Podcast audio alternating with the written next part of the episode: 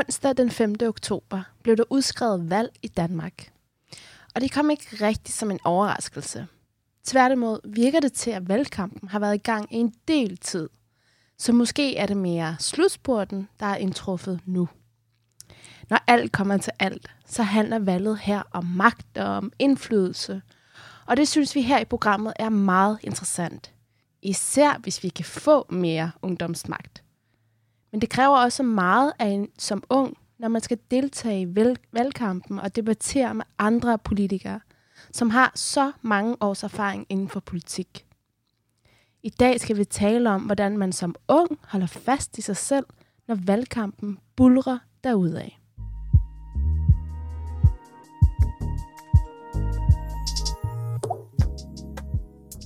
Unge har alt for lidt indflydelse i dagens samfund. I hvert fald, hvis du spørger mig. Mit navn er Manila Gafuri, og jeg er på en mission sammen med Ungdomsbyrået om at sikre unge mere magt. Jeg ønsker forandring, og det kræver magt. Derfor så vil jeg undersøge magtbegrebet ud fra forskellige vinkler. Jeg vil tale med mennesker, der beskæftiger sig med magt, lige fra aktivisten, der demonstrerer i regnværet, til den politiske elite, der afgør vores fremtid. Alt sammen for at finde ud af, hvordan vi unge kan få mere magt i samfundet.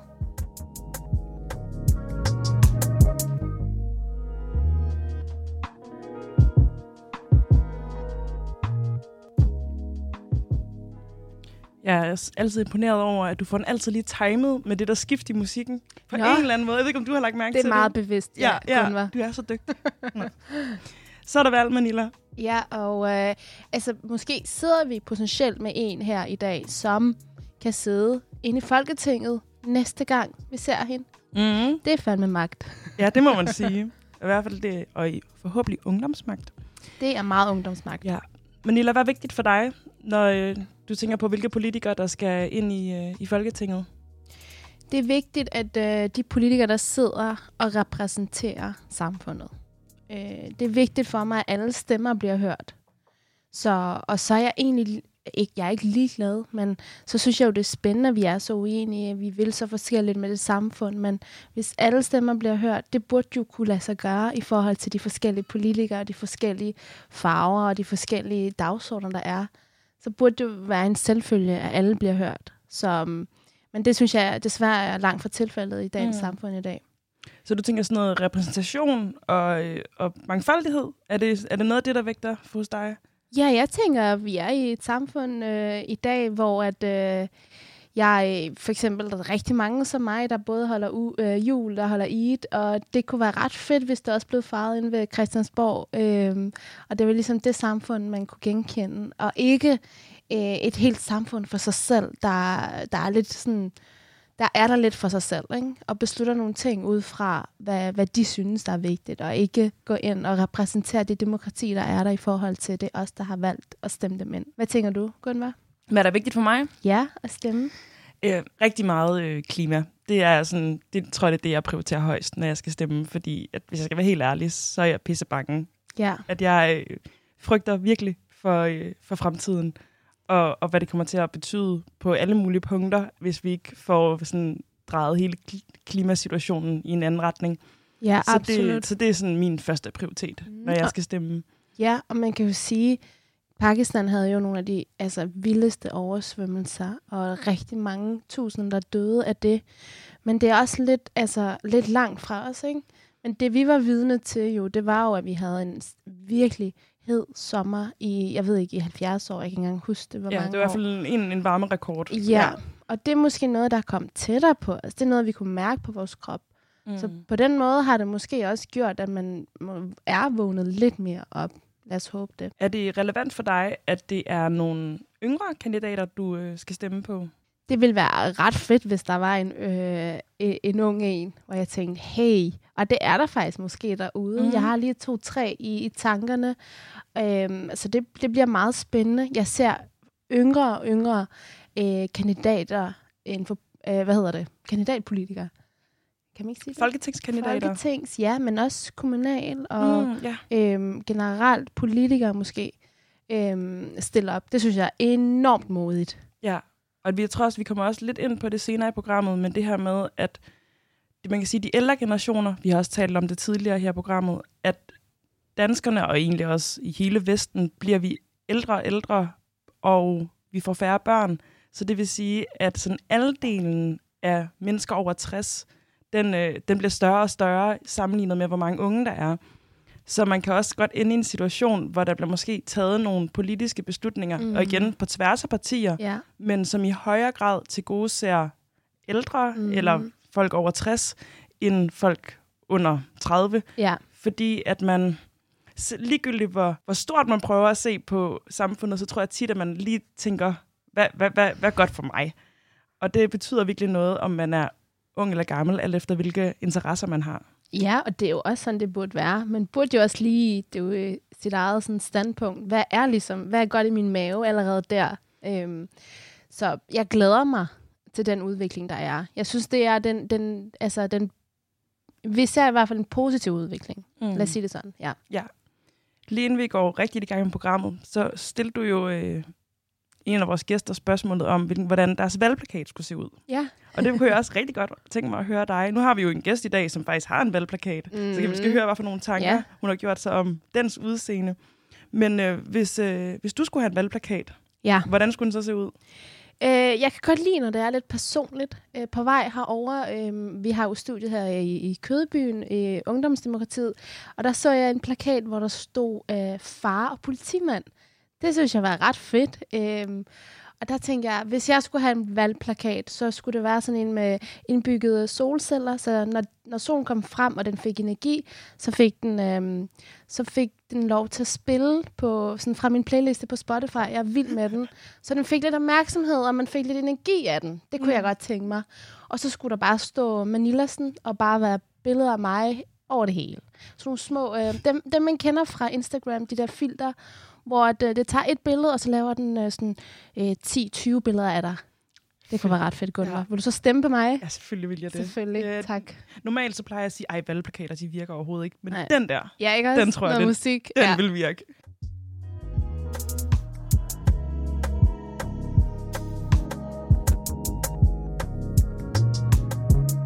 Monique valget snart begynder at nærme sig. Det fik statsminister Mette Frederiksen sagt flere gange i forbindelse med åbningen af Folketinget. Og det gjorde det.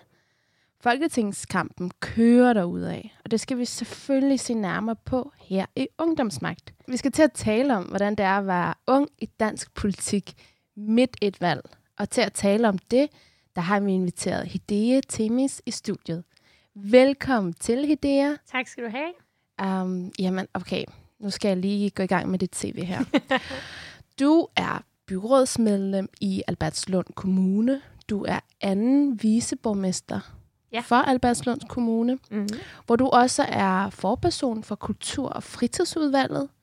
Du læser til socialrådgiver, og du stiller op til Folketingsvalget her for Radikale Venstre, og så er du 24 år gammel. Ja. Og især de to sidstnævnte ting, der skal vi tale rigtig meget om i dag. Altså, at du stiller op, og at du er 24 år.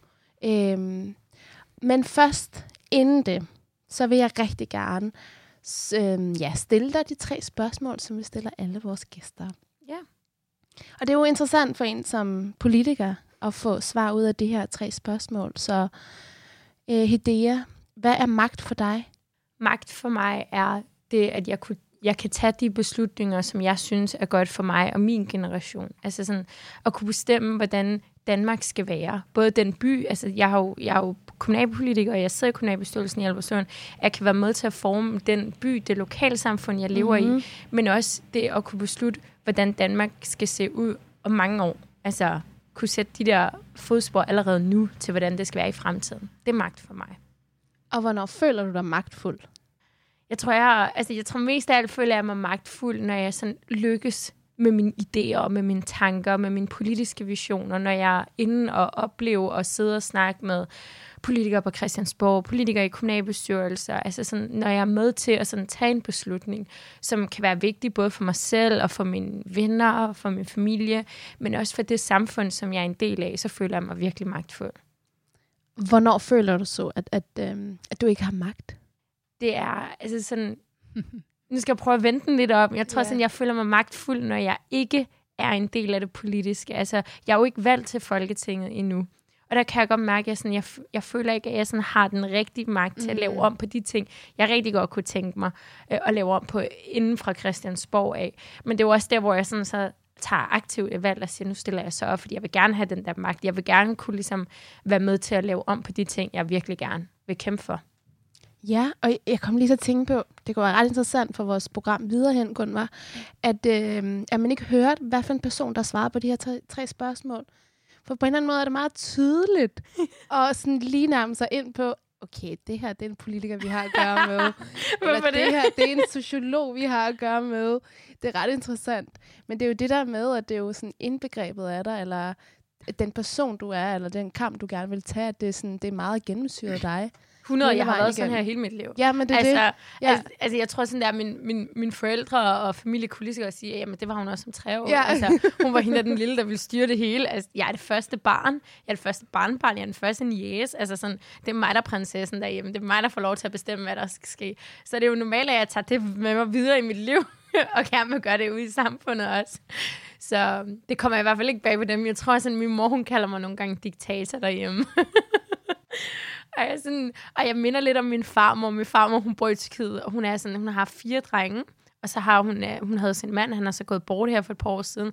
Så hun har jo, sådan, hun har jo levet med alle de her mænd. Ja. Og sådan, min far og dem, de kalder hende også nogle gange for diktatoren, fordi hun har kunne klare dem. Så det er sådan, så ja, magt, det kan jeg godt lide. Det er jeg vant til. Jeg elsker det.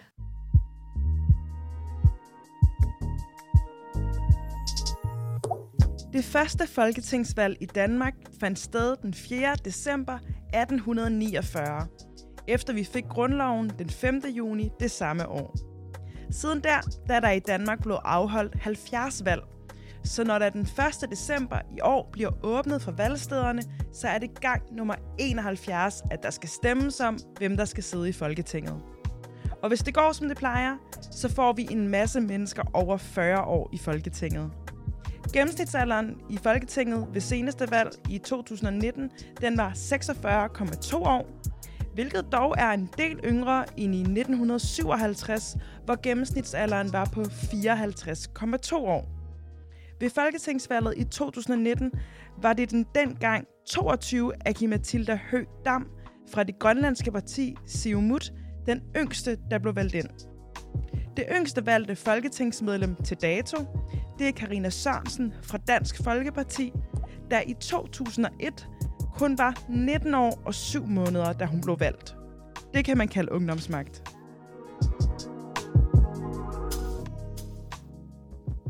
Du lytter til Ungdomsmagt, og mit navn er Manila Gafuri, og i dag i studiet med mig har jeg Hidea Timis. Hidea, hvad betyder dit navn? Det betyder gave. Okay. Ja, altså min familie, de plejer altid at joke og sige, du er Guds gave til os, du er Guds gave til verden. Nej, det er ikke sådan noget, jeg tænker, men sådan, det er en, det er en sjov det joke. siger de jo bare, altså, det er en så? sjov joke at kunne have med sig, specielt når man er politiker, ikke? Hvorfor det? altså, det, er sådan, det, det kan bryde en is. Altså, Ah, sådan, nogle ja. gange, når man sådan møder nogle folk, og sådan, de spørger, hvad betyder så dit navn? Og, sådan, og så siger jeg gave. Så er de sådan, nå, spændende. Så siger jeg, så, ja, jeg er jo radikal, jeg er Guds gave til verden. øh, og det er bare en joke. Men, øh, men jo, det kan jeg rigtig godt lide, mit navn. øh, jamen, Hidea, hvor kommer din politiske interesse fra? Jeg tror, min politiske interesse kommer fra, at jeg rigtig godt kan lide at have en mening. Jeg kan rigtig godt lide at have en holdning. Og så kan jeg også rigtig godt lide at bestemme. Altså, jeg har altid været hende, om det var i skolen, om det var i børnehaven. Altså, jeg var hende, der sådan... Jeg ville gerne være den, der skulle føre retningen. Det var det er mig, der skal bestemme retningen. Eller være med, være med til at sådan føre an.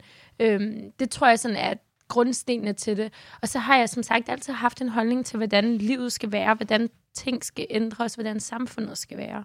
Ja, og man kan jo sige, at man kan være politisk på mange måder. Altså, man kan være aktivist, man kan demonstrere, skrive debatindlæg, arbejde i en NGO. Men det der med, at du har jo valgt helt den sådan, partipolitiske vej. Mm. Øhm, var der ligesom konkret en episode, der gjorde, at det var det, du ville? Ja, det var der. Altså, dengang jeg gik på gymnasiet, da jeg gik på tredje årgang på mit gymnasie, jeg gik på Højtostrup Gymnasie, dengang, det gør vi stadig, blev vi kaldt for et ghetto-gymnasie, og det var Ja. jeg sådan virkelig sur over. Det var jeg sådan, nej, nej, nej, nej. Altså, bare fordi mange af os har en anden etnisk baggrund, er det ikke ens betydende med, at vi er ghettobørn eller et ghetto-gymnasie. Men så daværende re- regering, VLAK-regeringen, de ville øh, gerne skære på uddannelserne. Så der var rigtig mange politikere, der var rundt omkring uddannelsesinstitutioner på landet, og vi skulle så til at strække på mit gymnasie.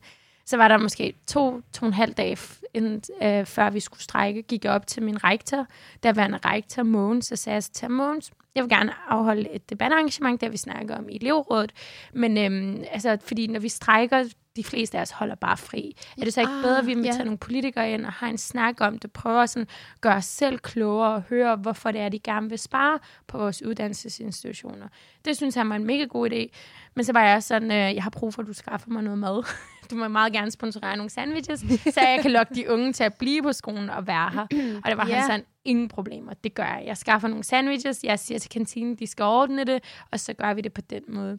Øhm, og så inviterede jeg nogle politikere ud, og den første, jeg skrev til, det var Senior Stampe fra Radikale Venstre. Jeg var så stor fan af hende dengang, det er jeg stadig.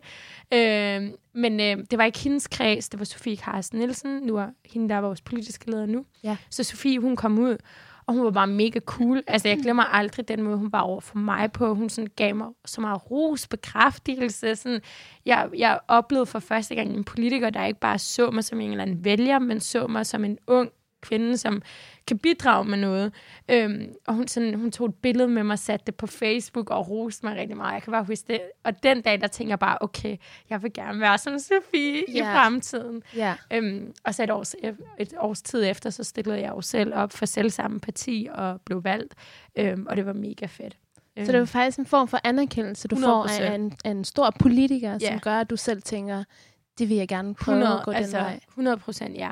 Jeg synes, altså det ene var, det var oplevelsen af, og ja. hvordan det var at afholde debat, og hvordan det var, de debatterede, hvad de lavede, eller hvad de sagde. Men, men 100 den der med, at hun, sådan, at hun så mig, at hun tænkte, du er sej, hvis man kan sige det på den måde. Og jeg stod var der starstruck, wow, vi har en folketingspolitiker herude. Og jeg synes jo, hun var mega cool og mega sød. Men at hun sådan tog sig tid til at lave det opslag, og sådan nævne mig og skrive om mig, det det gjorde helt klart, at jeg sådan fik den der bekræftelse, og fik fornemmelsen af, at der var en, der troede på mig, og en, der så mig. Og det var virkelig fedt. Ja, jeg så også, du holdt en form for, um, jeg ved ikke om det var åbningstale, men det var i hvert fald en tale til nogle af jeres um, store um, general... Ej, hvad kan ja, man sige? Ja, general, til vores landsmøde her landsmøde, sidste år. Ja, ja, hvor du sagde, at du kom fra Vestegn, og hvis man så Vestegn som ligesom et område eller en kommune for sig selv, så vil man sige, det er socialt udsatte område? Ja, altså det var med Albertsen, det var fordi, det var sidste år inden kommunalvalget, så blev jeg bedt om at radikale venstre, der var der flere også, der blev bedt om at komme op på talestolen, eller, eller på, op på scenen og holde en tale om nogle forskellige emner. Og jeg skulle så snakke om det at være et stærkt samfund. Altså sådan, hvad betyder det? Hvordan, hvad er det? Og så holdt jeg en tale om det at være ung, og det at være ung på Vestegn og have en minoritetsetnisk baggrund. Og jeg plejer altid sådan lidt at, at joke om det, desværre, men jeg siger altid sådan, hvis Albertslund havde været et stort boligområde, så ville ja. vi have været et socialt udsat boligområde. Altså 60 procent af vores øh, boliger har en, en, øh, er almindelige boliger. Ikke fordi det er dårligt som sådan, men, men altså i forhold til mange af de der lister og regler og boligområder, vi har, så vil vi ende med at være et stort socialt udsat boligområde. Og, det, og, det, og når jeg så nævner det, handler det jo også om, at sådan, mange af de børn og unge, der netop vokser op i nogle udsatte boligområder, de sådan, hvis du spørger mig, starter livet lidt bagud på nogle punkter, altså sådan strukturelt. Altså, det er sådan, man skal hele tiden kæmpe for at nå lige så langt som de andre, og man skal hele tiden overbevise nogen om, at man er god nok. Mm. Hvis du er dreng, at du ikke er utryghedsskabende ung, eller du ikke end, altså, du ikke er kriminel. Hvis du er pige, så skal du bevise, at du ikke er undertrykt, at du ikke sådan... Altså, der er så mange ting, og meget, man skal forholde sig til. Og jeg føler sådan lidt, det er det samme, hvis du er ung og bor på Vestegn. Så skal du også hele tiden vise resten af Danmark, at jeg er god nok, og jeg kan godt klare det. Og, og tak for at dele det med os. Og det var også noget af det, der gjorde indtryk på mig, da jeg, da jeg så din video. Og i den her episode med, med gymnasiet forklarer jo meget godt, hvad for en vej du, du rigtig gerne vil gå. Altså det der med at tage en beslutning. Mm. Du vil ikke holde fri, men du vil gerne lave et debatarrangement, hvor du rent faktisk hører på mennesker, der har noget at sige. Altså politikere, der har noget at sige, så du kan forstå, hvorfor det er, der er, altså, hvad er ligesom grundet til den her beslutning. Mm. Æ, og det, det er jo fedt, at det bliver taget imod, og du bliver egentlig også hørt er der nogle gange, hvor du har er kommet med noget som ung, altså måske også på gymnasiet eller øhm, folkeskolen, hvor det ikke er blevet hørt, hvor du ikke har fået samme succesoplevelse? Hmm. Altså sådan, jeg tror, der er rigtig mange, der ikke har lyst til at høre på mig. Men det ender så altid med, at et stykke tid efter, eller et par år efter, så siger de så til mig, at vi skulle have flyttet til dig. Hvorfor, hvorfor tror du, de ikke ville? Jeg tror, det er, fordi jeg fylder rigtig meget som person. Altså, sådan, jeg har en meget, besti- altså, jeg har en meget sådan, stærk personlighed. Jeg fylder rigtig meget i et rum. Altså, apropos gymnasiet, da jeg stoppede, eller da jeg blev færdig på gymnasiet, der har man jo de der nomineringsshow, hvor man Ja, nominerer åh, ja. nogle unge, altså alle mulige og sådan noget. Mm. Og der blev jeg jo nomineret til årets lavdas, og fik en sådan ringeklokke om, at når de så ringede med den, så skulle jeg holde min kæft. Nej, Jo, det nej, gjorde jeg. nej. Altså, det er øh, fandme vildt, det der. Og, det er sådan, og jeg griner af det, fordi jeg har stadig den der klokke derhjemme. Og det, fede, at det fedeste af det hele er, at da jeg så stopper på gymnasiet, og 4-5 måneder efter, er jeg jo blevet valgt til kommunalbestyrelsen. Ja. blev landets yngste udvalgsformand. Og så møder jeg den person, som stod for nomineringsshowet, Ej. og som havde nomineret mig, og havde sådan sagt, at jeg skulle vinde prisen, hvor han sagde til mig, fuck, hvor har vi, ej undskyld, men, men hvor Det- har ja. vi været onde mod Præcis, dig? Hvor har vi ja. været sådan virkelig onde mod hvor jeg bare var sådan, og han var sådan, det er fandme sejt, det du gør Godt, nu. Altså, vi havde ikke undskyld. mod til det, vi havde ikke mod til Nej. at sige det dengang, men det er virkelig sejt, du gør det. Og jeg synes jo, det var, jeg er sådan, jeg er sådan en type, jeg elsker at have modstand. Jeg synes, det er så fedt at have modstand. Sådan, at hele tiden, apropos det der med at være for Vestegn, at du skal bevise, du skal kæmpe, det er så stor en del af mit DNA. Så jeg var sådan der, fedt, tak fordi du siger undskyld, men jeg synes faktisk, det var lige så fedt, fordi det er en historie, jeg kan tage Ja. med mig videre og sige, det er mig, det er en del af mig, at være hende den højdråbende. Jeg fylder rigtig meget. Og, sådan, og der er rigtig mange, der har svært ved at kunne, kunne, kunne acceptere det ved mig, kunne lide det ved mig, men hvis jeg skal være helt ærlig, I love it. Altså, nogle gange er jeg lidt cringe, men jeg elsker det, fordi det er en del af min personlighed. Jeg tror, det er Ja, helt klart, det der sådan. har gjort, at jeg sådan, at lykkes med så meget. Og man kan jo sige, okay, det her altså med modstand, du nævner, er det egentlig ikke nok for dig at være i byrådet? Altså er der ikke også meget mere reel indflydelse? Hvorfor Folketinget? Jo, altså der er helt klart meget med reel indflydelse i forhold til sådan, i forhold til dit lokale samfund. Du kan ændre på noget. Altså, synes du, der er en eller anden legeplads, der er grim, så kan du helt konkret gå ud og ændre den. Vil du gerne have flere kulturtilbud til unge, Ja. som jeg lige har bragt ind i budgettet? Ja, Har vi ja. lige fået lavet en pulje til det? Altså, Hvad mener du med, at du lige har brækt ind i budgettet? vi har lige, eller i dag vedtager vi, vi har underskrevet en budgetaftale, men i dag vedtager vi en ny budgetaftale. Og med den budgetaftale har jeg for eksempel, har Radikale Venstre spillet ind med, at øh, vi synes ikke, at der er gode nok tilbud, kulturtilbud Ja. til unge, specielt unge med en minoritetsetnisk baggrund. Mm. Det er et Mhm. samarbejde, jeg har haft med, vi har haft med Mino Danmark Ja. øh, i, i, på Vestegn i Albertslund, hvor jeg bare har fundet ud af, okay, det kunne, vi kunne godt have flere og bedre tilbud. Øh, og det bragte vi ind, og det lykkedes vi med, så nu har vi fået afsat 150.000 kroner de næste to år, så vi kan arbejde med at få flere kulturtilbud Sådan. til unge, specielt til minoritetsetniske unge. Men, men så du har ret i forhold til, når du sidder i kommunalpolitik, er det meget mere hands-on. Ja. Jeg er også gruppeformand, øhm, i, altså, og det betyder, at jeg, jeg er den politiske leder Radikale Venstre i Albertslund. Så det gør også, at jeg har reelt set har rigtig meget magt i, altså lokalt i min kommunalbestyrelse i forhold til mit parti. Okay, det gad jeg godt, det der. Men jeg tror sådan, men jeg tror, for mig at se, det at være politiker, det handler ikke kun om at have magten. Det handler ikke kun om at ændre på, på samfundet, men det handler også om at ændre på nogle strukturer, og, og, og mest af alt så handler det at være politiker om for mig at være en rollemodel Ja. for børn og unge, specielt unge med en anden baggrund, piger, og kunne sige til dem, at hvis jeg kan lykkes med det her, så kan I også godt. Altså, der er ikke noget i verden, vi ikke kan lykkes med, hvis ikke vi tror på det, hvis ikke vi kæmper for det. Og det er, sådan, og det er derfor, jeg rigtig gerne vil ind i Folketinget. Mm. Til dels for at kunne vise mit bagland, hey, vi kan godt, vi dur til noget, men også for at vise nogle af de der politikere inde på Christiansborg, at virkeligheden er ikke kun kvindeundertrykkelse og utryghedsskabende unge drenge i vaskekældre. Virkeligheden er faktisk mangfoldig og stærk, og den er på vej frem.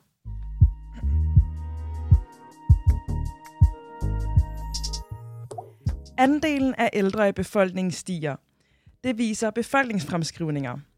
Det betyder, at vi ser en aldersbetinget demokratisk skævvridning. I 2030 vil lige under en tredjedel af befolkningen være over 60 år, mens kun en femtedel af befolkningen vil være unge mellem 18 og 34 år. Det kan derfor ende med, at unges interesser ikke varetages i lige så høj grad som den ældste del af befolkningens. Denne demokratiske skævvridning, den har fået den engelske politolog David Runciman til i information at kalde unge i vestlige lande for dobbeltmarginaliserede.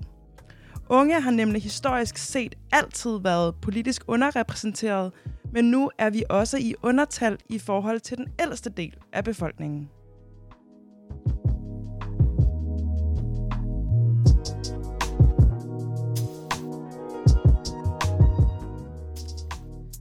Du lytter til Ungdomsmagt, og mit navn er Manila Gafuri. Og med mig i studiet har jeg Hedea Timis. Hvordan har du det, Hedea? Jeg har det godt. Sådan. Jeg du har travlt, Ja. jeg har det godt. og du er fuld af energi. Det kan jeg virkelig godt lide. Øh, Jeg vil rigtig gerne høre lidt mere mm-hmm. om dine tanker omkring magt og ansvar. Du har jo været i Albertslund Kommune øh, bestyrelse, siden du var 19 år. Mm-hmm. Okay. Så du er ikke helt ny inden for politik, kan man sige. Du er 24 år i dag. Øh, så jeg er meget nysgerrig på, hvordan du holder fast i dig selv i den kamp, som politik nogle gange godt kan være. Øh, altså, øh, som, eller hvordan du holder fast i dig selv nogle gange, hvor politik godt kan være hård nogle gange. Jo. Ja, altså jeg, sådan, jeg går rigtig meget op i at have nogle arenaer, hvor det ikke handler om politik, men hvor det sådan handler om at være ung, eller handler om at være mig selv. Øh, jeg har nogle venner, ja. Ja. jeg har en vennegruppe, hvor vi sådan, de er overhovedet ikke politisk interesserede. Altså jeg tror kun, de stemmer, fordi det er mig, der stiller op, og sådan, ja. Så de er ude og hænge plakater med mig, når, når det skal gøres, men det er ikke, fordi de er dig. politisk interesserede. Det gør de 100 Ja. procent. Og det er sådan, og det er mega fedt, altså, eller jeg synes, det er virkelig berigende at kunne have nogle af de der øh, steder, arenaer, hvor jeg ikke behøver sådan at være politisk korrekt og sidde og tænke på politik og hele tiden tænke på, at det handler om det næste valg, men hvor jeg bare kan være mig selv. Og så har jeg også med min familie, øhm, eller faktisk min familie er begyndt at tale ret meget politik. Jeg er rimelig meget træt af det. Og jeg beder dem altid om at sige, at jeg er ikke politiker lige nu. Lige nu er jeg bare mig selv. Altså. Men sådan bruge tid med min familie, tage til vores mange familiebryllupper, som vi har sådan. at danse og Ja. bare give den gas. Øhm, det er det, jeg gør. Og så tror jeg også sådan, jeg bruger også, jeg bruger også tid i min taekwondo-klub. ja. Øhm, jeg er taekwondo-træner. Jeg har tidligere været elitesportsudøver, men nu er jeg taekwondo-træner for børn. Øhm, og også sådan, have de der steder, hvor det ikke handler om politik, og ikke handler om at være politiker, men hvor det bare handler om at være hedje. Altså, hvor sådan, ja, det er, ikke, det er ikke mit politiske værv, der gør mig vigtig, men det er min person, der gør mig vigtig, hvis man kan sige det på den måde. Og hvordan oplever du så at være ung minoritetskvinde i dansk politik? Er der, er der nogle eksempler, hvor, hvor, det her, hvor du virkelig har tænkt, det der, det siger vedkommende, fordi jeg netop står her som 100. idéer? 100. Altså, jeg har været forlovet før. Det er Ja. jeg ikke længere. Men da jeg blev forlovet, og jeg var rimelig ung, jeg var 20 år, da jeg, var, da jeg blev forlovet, men det var noget, jeg selv valgte af det hele. Der øh, på et eller andet tidspunkt, så nævner jeg det for, altså i kommunalbestyrelsen eller et eller andet, øhm, og siger, jamen nu er jeg blevet forlovet. Og så var der en, der lavede en joke med, eller ikke en joke, jeg tror personen helt oprigtigt mente, der var sådan, Jamen, har du så selv valgt din mand? Mm. Og jeg stod bare tilbage med følelsen af, okay, hvis Ja. jeg havde Sofie og haft en etnisk dansk baggrund, Ja. ville man så have spurgt mig det? Det var sådan mere på det private, politiske. Men så har jeg også oplevet, øh, under coronaen, der var jeg, øh, sad jeg fast, eller bevidst sad jeg fast i Tyrkiet, fordi min mor og mine bedsteforældre var dernede. Og jeg kunne, jeg, til at starte med, da Mette Frederiksen lukkede ned bare i to uger, valgte jeg at blive i Tyrkiet hos min familie, fordi de ville ikke have, at jeg skulle afsted. Men det blev forlænget, både i Danmark, men det blev også forlænget i Tyrkiet, og altså, det skabte ret meget øh, ballade til sidst, hvor at det endte faktisk med, at sådan Dansk Folkeparti i Alberslund, de bad borgmesterne om at tvinge mig på overlov, fordi jeg jo ikke var i Danmark, og jeg ikke var i Alberslund. Øh, Jeg var i Tyrkiet, og jeg derfor ikke kunne varetage mit værv ordentligt. Øhm, men det endte faktisk også med, at Morten Messerschmidt, han bragte med ind i Folketingssalen og stillede spørgsmål til daværende indrigsminister Astrid Krav, øh, om hvordan det kunne lade sig gøre rent juridisk. Der var ikke noget problem med det rent juridisk på det tidspunkt, fordi man havde dispenseret fra al juraen under corona. Så jeg kunne være i Aarhus, i Tyrkiet, i Spanien, where it is, så længe jeg er med til møderne, fordi de var jo virtuelle, de her møder. Men det betød så, at Morten Messersmith og Astrid Krav og Ekstrabladet, de satte spørgsmålstegn ved min moral, fordi jeg der jo var i Tyrkiet, når Danmark var i krise. Øhm, og folk glemte, at øh, det handlede om, at min familie var der. Min mor og mine bedsteforældre var der. Og jeg synes, det er virkelig fedt at være i politik. Jeg kan rigtig godt lide at være politiker, men der er ikke noget, der er vigtigere for mig end min familie. Og hvis der skulle ske dem noget under corona, og jeg skulle have været i Danmark, mens de var i Tyrkiet, og jeg ikke kunne komme ned til dem, så tror jeg aldrig nogensinde, jeg ville kunne, kunne tilgive mig selv. Øhm, så det oplevede jeg, og der følte jeg 100% at det handlede om, at jeg havde en anden etnisk baggrund. Ja. Og man, man kunne tvivle på, når jeg er så dansk nok, når jeg vælger at være i Tyrkiet under en krise. Øhm, for at være der for din familie. Præcis, ikke? Og der var jeg sådan, der var jo, altså jeg havde, jeg havde kollegaer i kommunalbestyrelsen, som var i deres sommerhus i Sverige, ja. og det var der ikke nogen, der satte spørgsmålstegn ved. Men man sætter spørgsmålstegn ved det, fordi jeg er i Tyrkiet. Så det oplevede jeg. Men, jeg har, men til gengæld har jeg altså også oplevet fede ting ved det. Altså sådan, det at kunne sige, når vi sidder og snakker om integrationsproblemer, eller sådan, når vi sidder og snakker om unge, og kunne bruge min baggrund, ja. både den minoritetsetniske, mm. men også der, jeg er ung, og ja. kunne sige, prøv her her, jeg ved, hvordan det er. Jeg lever med det, jeg lever i det. Det er ikke, det er ikke som dengang for 30 år siden, ja. da du var 25 år. Mm. Altså, så så der er cons. Ja, absolut. Mm. Og, og så der er jo både det der med at være øhm, ung kvinde, mm. eller kvinde i, i, sådan, øh, i politik, men der er også det at være ung, som, man er, som du er jo i, i politik. Mm. Øhm, har du oplevet forskelsbehandlet der? Eller behandling i forhold til din alder? Altså, er der også lige nogle, nogle kommentarer, der kommer? I starten, ja. 100 procent. Altså, jeg tror, det første års tid, det handlede bare om at bevise, at jeg godt kunne. Ja. Altså, jeg var god nok. Og jeg vil så være helt ærlig, da jeg blev valgt, var jeg ikke god nok. Jeg vidste ingenting om politik. Jeg blev bare kastet ud i det, og så tog jeg det bare på mig. Og der var rigtig mange, der sådan tænkte, hvad fanden er det, der sker her? Og de forventede sådan heller ikke særlig meget af mig. De forventede faktisk, at jeg ville komme til at klokke fuldstændig i det. Men så der var jo både kommentarer, det ene og det andet, hvor sådan, man var lidt, ah, du er for ung, og det burde du måske ikke, og sådan noget der. Men jeg oplevede faktisk også, at et par år efter, da jeg sådan fik bevist over for både mine kollegaer, men også for mig selv og for min familie, det her, det kan jeg faktisk godt finde ud af, og at min udvikling, den bare bulrede derud af, altså fik jeg ret meget anerkendelse og ros for mit arbejde. Øhm, men jeg, men jeg, og nogle gange kan jeg godt tænke sådan der, det var faktisk ret fedt at være uerfaren, fordi du kommer ind i et rum med ja. næsten kun erfarne mennesker, og så er det sådan, så må du godt stille de dumme spørgsmål. Og det gjorde jeg, men nogle gange var det faktisk også de dumme spørgsmål, der til dels gjorde, at jeg blev klogere, men også nogle gange, at beslutningerne blev bedre faktisk, af min mening.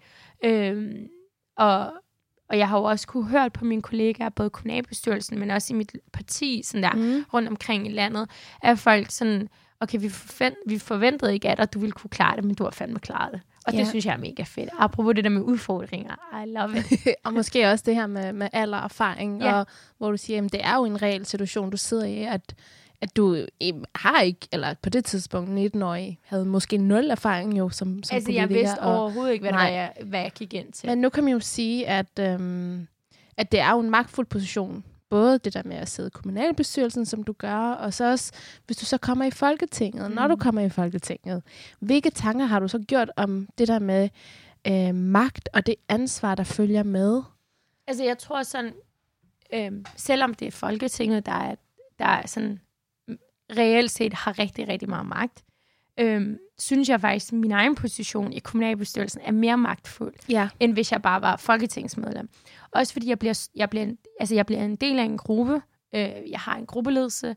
Det er, altså sådan, så på den måde bliver jeg jo bare et menigt folketingsmedlem til at starte med. Øhm, så i forhold til det med magt, så tror jeg faktisk, at jeg har mere magt af at være kommunalbestyrelsesmedlem. Men til gengæld så tror jeg sådan, den magten til at kunne ændre på, på, på hvad kan man sige, på holdninger og meninger ude hos både danskerne, altså øh, herre fru Jensen, hvis man kan sige det på den måde, mm-hmm. men også ude hos de unge. Det tror jeg, det er den magt, jeg glæder mig rigtig meget til, hvis jeg skulle blive valgt. Og det er noget det, jeg rigtig gerne vil. Det der med at kunne ændre på nogle fordomme, ændre på nogle holdninger og meninger til det at være ung, og det at have en anden etnisk baggrund, øhm, og hvordan det er, at vi sådan er over for hinanden, og behandler hinanden, snakker om hinanden.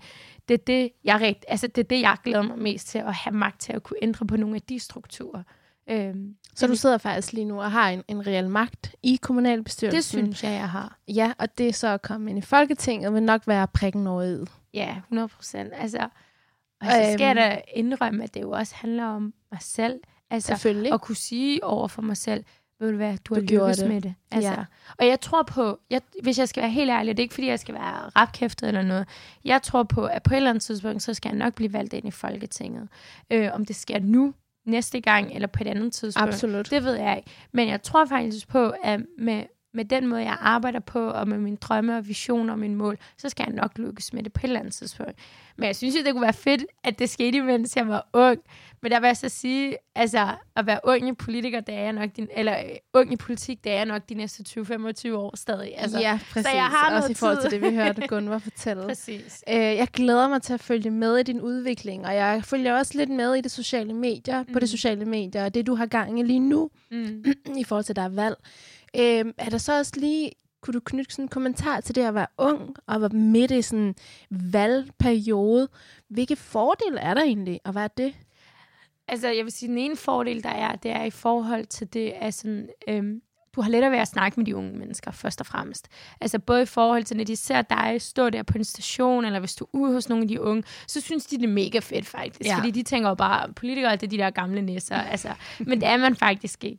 Men også, øhm, man har lettere indgangsvinkel på gymnasierne. Jeg er faktisk, min oplevelse er faktisk, at gymnasierne synes, det er mega fedt, at de får unge kandidater ud. Mm. Øhm, ja. men så oplever jeg, jeg også rigtig mange borgere, der synes, det er så sejt og så af mig, at at jeg, at er så ung og tør at stille op.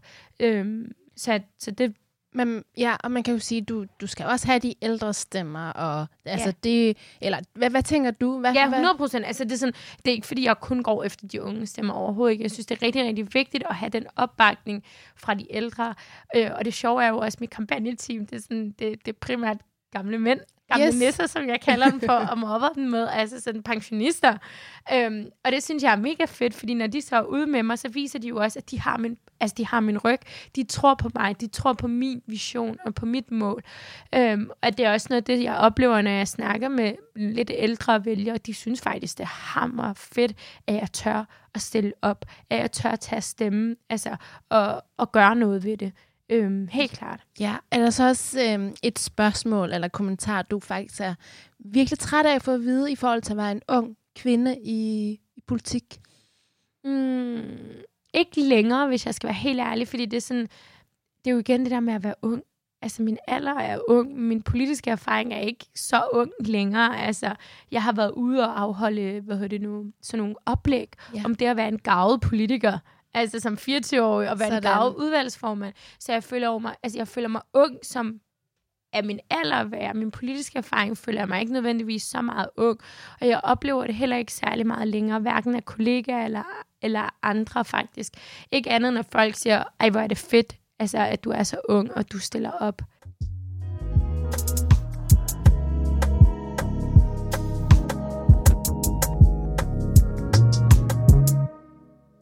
Du lytter til Ungdomsmagt. Mit navn er Manila Gafuri, og jeg har stadig besøg af Hedea Timis. Vi har her i programmet, eller vi vil jo rigtig gerne have endnu mere ungdomsmagt og endnu flere unge stemmer til at ytre sig.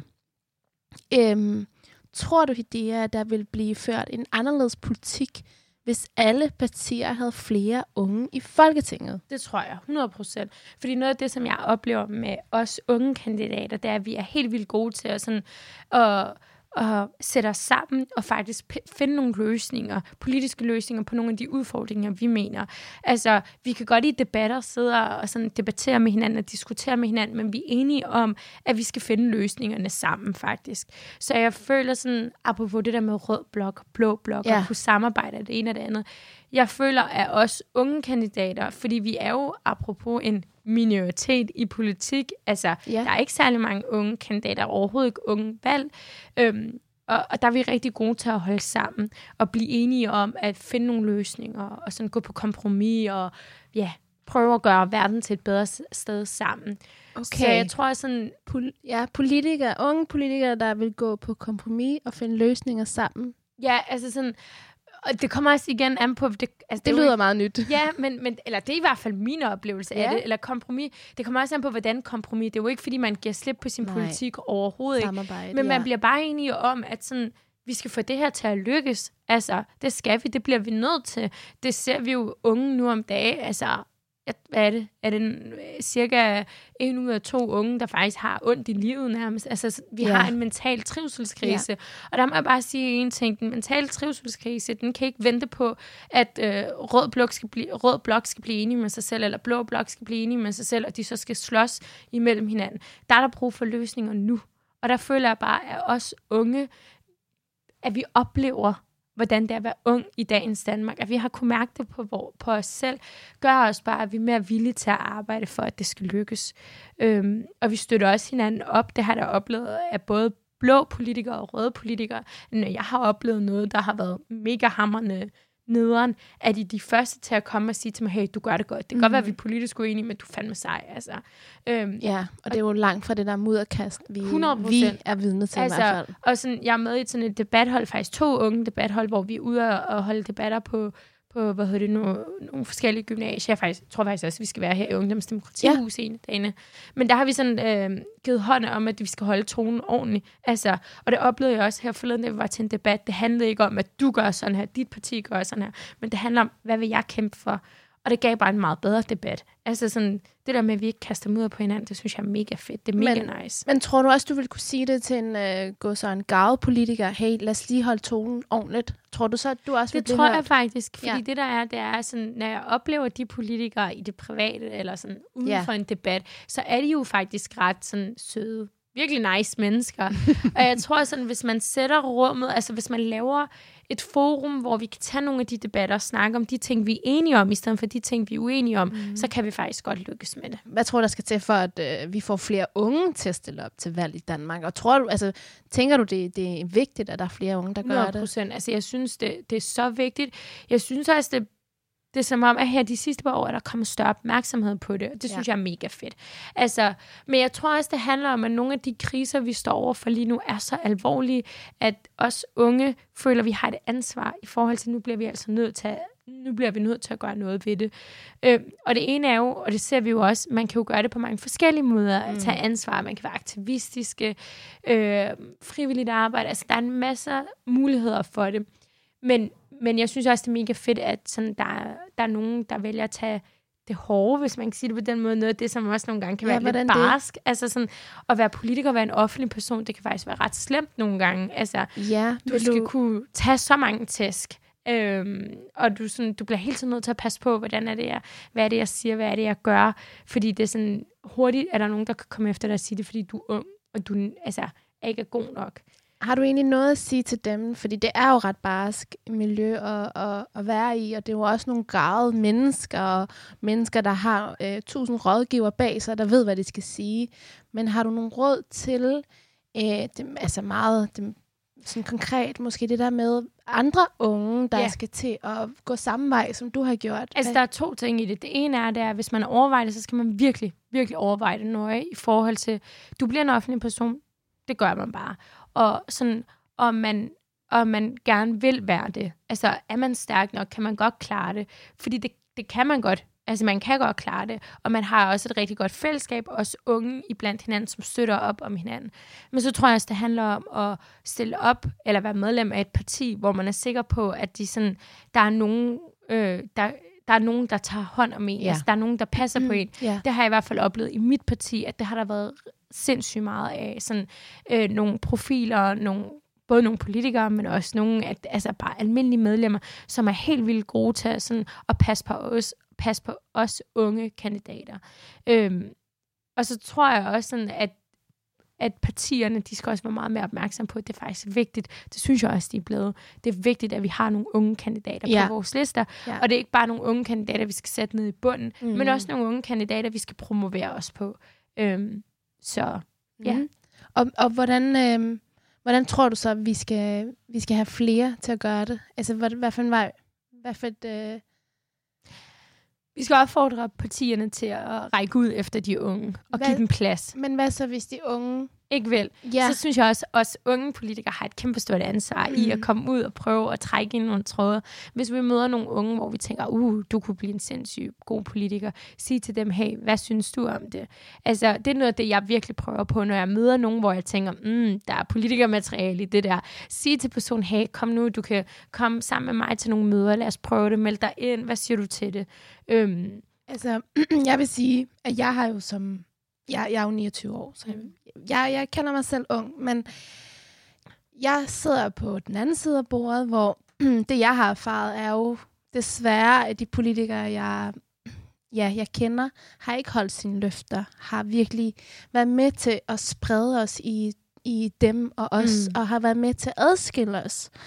Øh, det har jo egentlig gjort, at jeg holder mig meget fra det politiske, øh, og jeg skal i hvert fald ind i ikke ind i politik, fordi det er ikke sådan, man løser det. Og jeg tror måske, der er også nogle andre, der tænker sådan. Mm. Så jeg er jo mere gået mere sådan aktivistisk vej. Hvad vil du sige til nogen som os? Fordi, hey, lad os bare være ærlige. Hvis jeg skal virkelig ændre noget, skal jeg da have den magt, som du måske sidder i. Det synes jeg ikke nødvendigvis. Jeg tror, man skal have både din magt og min magt i samfundet for at kunne ændre på noget. Øhm, altså sådan, det kommer også an på, hvad man er god til, eller hvor ens interesse er. Fordi jeg synes, det er mega cool til dem, der sådan kan være aktivistiske og lave det. Personligt kan jeg mærke på mig selv, sådan, jeg har ikke sådan der overblik eller overskud til at skulle være så aktivistisk, men jeg synes, det er mega hammerne cool, og man kan jo helt klart rykke på noget. Der, hvor jeg synes, det er vigtigt, det er, dem som mig, som har min magt, skal gå sammen med dem som dig, som har din magt, om ja. de ting, vi er enige om. Og så sådan presse på for begge sider af. Der tror jeg virkelig, at vi sammen kan få sindssygt meget magt, og ændre på lige netop de ting, vi gerne vil have ændret på. Og det er også derfor, apropos det der med, sådan, som politikere, man, man, man øh, man lover noget. Altså, jeg prøver altid at sige, at sådan, det her det er mit punkt. Altså, det her det er mit standpunkt. Hvis det var stod til mig, hvis jeg havde et flertal bag mig, så ville det være på den her måde. Men realiteten er den, det har man ikke. Mm. Man har ikke et flertal, og mm. man bliver også nødt til at gå på kompromis. Ja.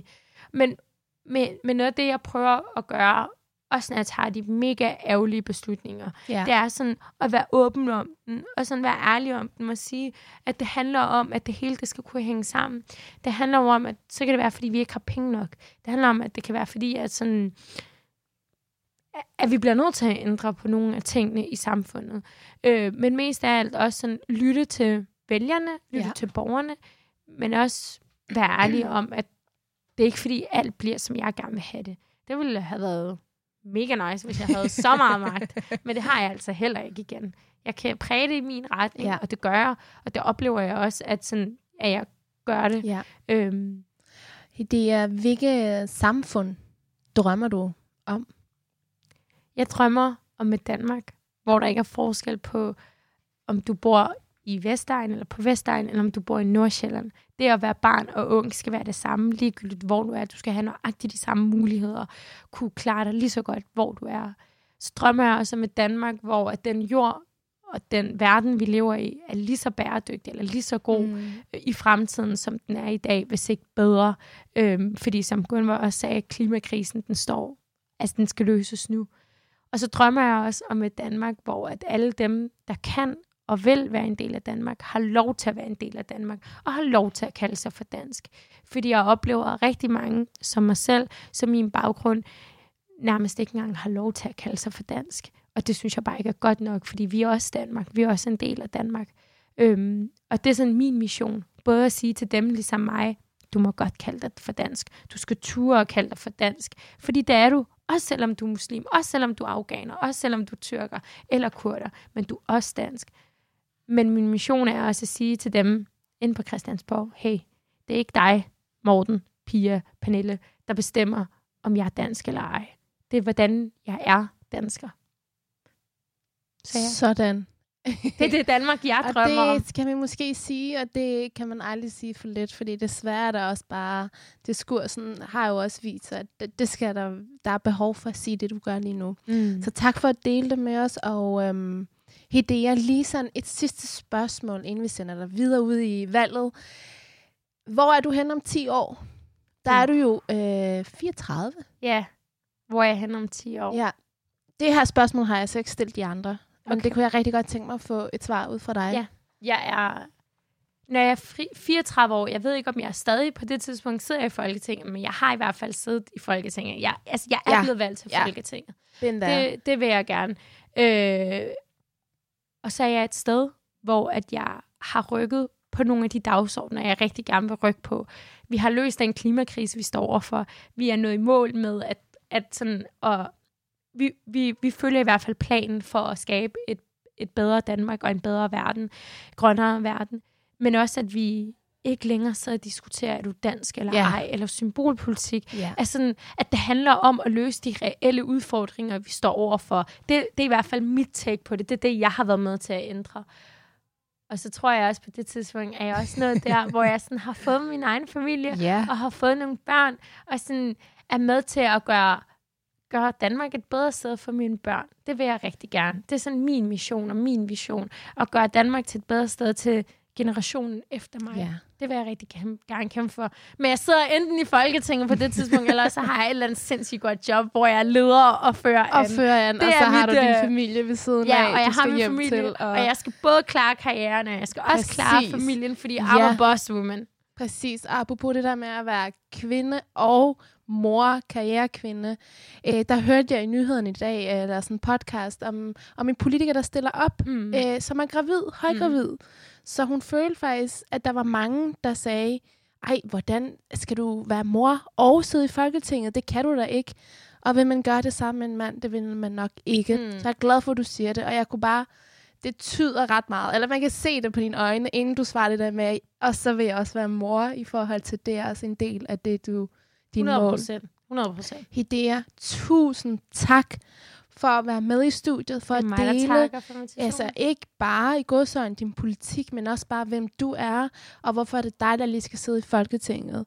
Vi hæpper på dig, og vi ønsker mere ungdomsmagt, og det kan vi få ud af dig, sådan nogen som dig, så alt held og lykke, det Tak. Og tak, Tak for, at du kom med.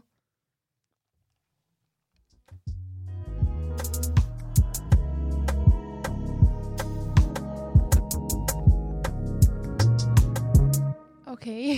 Sikkert et powerhouse, vi har besøg af. Ja, ikke også? Jo, Ej, fantastisk. hold da op. Altså, jeg vil sige, jeg har jo set lidt til hende og hørt hende sådan hister der. Hister her, tror jeg, det hedder. Men øh, det er egentlig nu, at jeg tænker, okay, nu ved jeg, hvorfor hun er kommet så langt, som hun har gjort. Øh, og det er bare på, hvad, under en time? Der er i hvert fald øh, en, en, en, leder, en ledermentalitet, Der er der skinner helt igennem. sikkert en leder. Og det er ikke en diktatur. Det er en leder, der har sine kampfælder med hele vejen. Og det kan jeg rigtig godt lide. Og der har sådan, det her sådan grundfølelse af, at vi alle skal være sammen om at kunne løse noget. Vi alle sammen skulle, kan, skal være i det her sammen. Mm. Når du hører sådan øh, en samtale her, får du så mere eller mindre lyst til at være, øh, være hvad kan man sige, partipolitisk? Og øh, det, det er for første gang, det har kommet ud af min mund, men jeg får faktisk mere lyst. Altså, at hun sidder og er med i kommunalbestyrelsen og forperson der, og sidder og siger, jamen, vi har lige indført, at, at der kommer mere sådan prioritering i hvert fald i forhold til fritidsudvalget, og der er konkret flere tilbud til, unge, til de unge mennesker på Vestegn. Det kan jeg jo se, hvor, hvor, hvor stor en del det vil gøre for de unge, fordi i forhold til sådan, det vil jeg også ønske, der var faktisk på Nørrebro. Det synes jeg ikke er nok af, hvis man snakker om det reelt, sådan, hvordan det foregår. Pigeklubber og fritidsklubber og alt det her. Så der, jeg kan jo gøre så meget her om på den anden side som aktivist, men man skal jo også have den reelle indflydelse, som hun sidder med. Det synes jeg er enormt, fordi den har hun ikke bare fået, den har hun kæmpet sig frem til.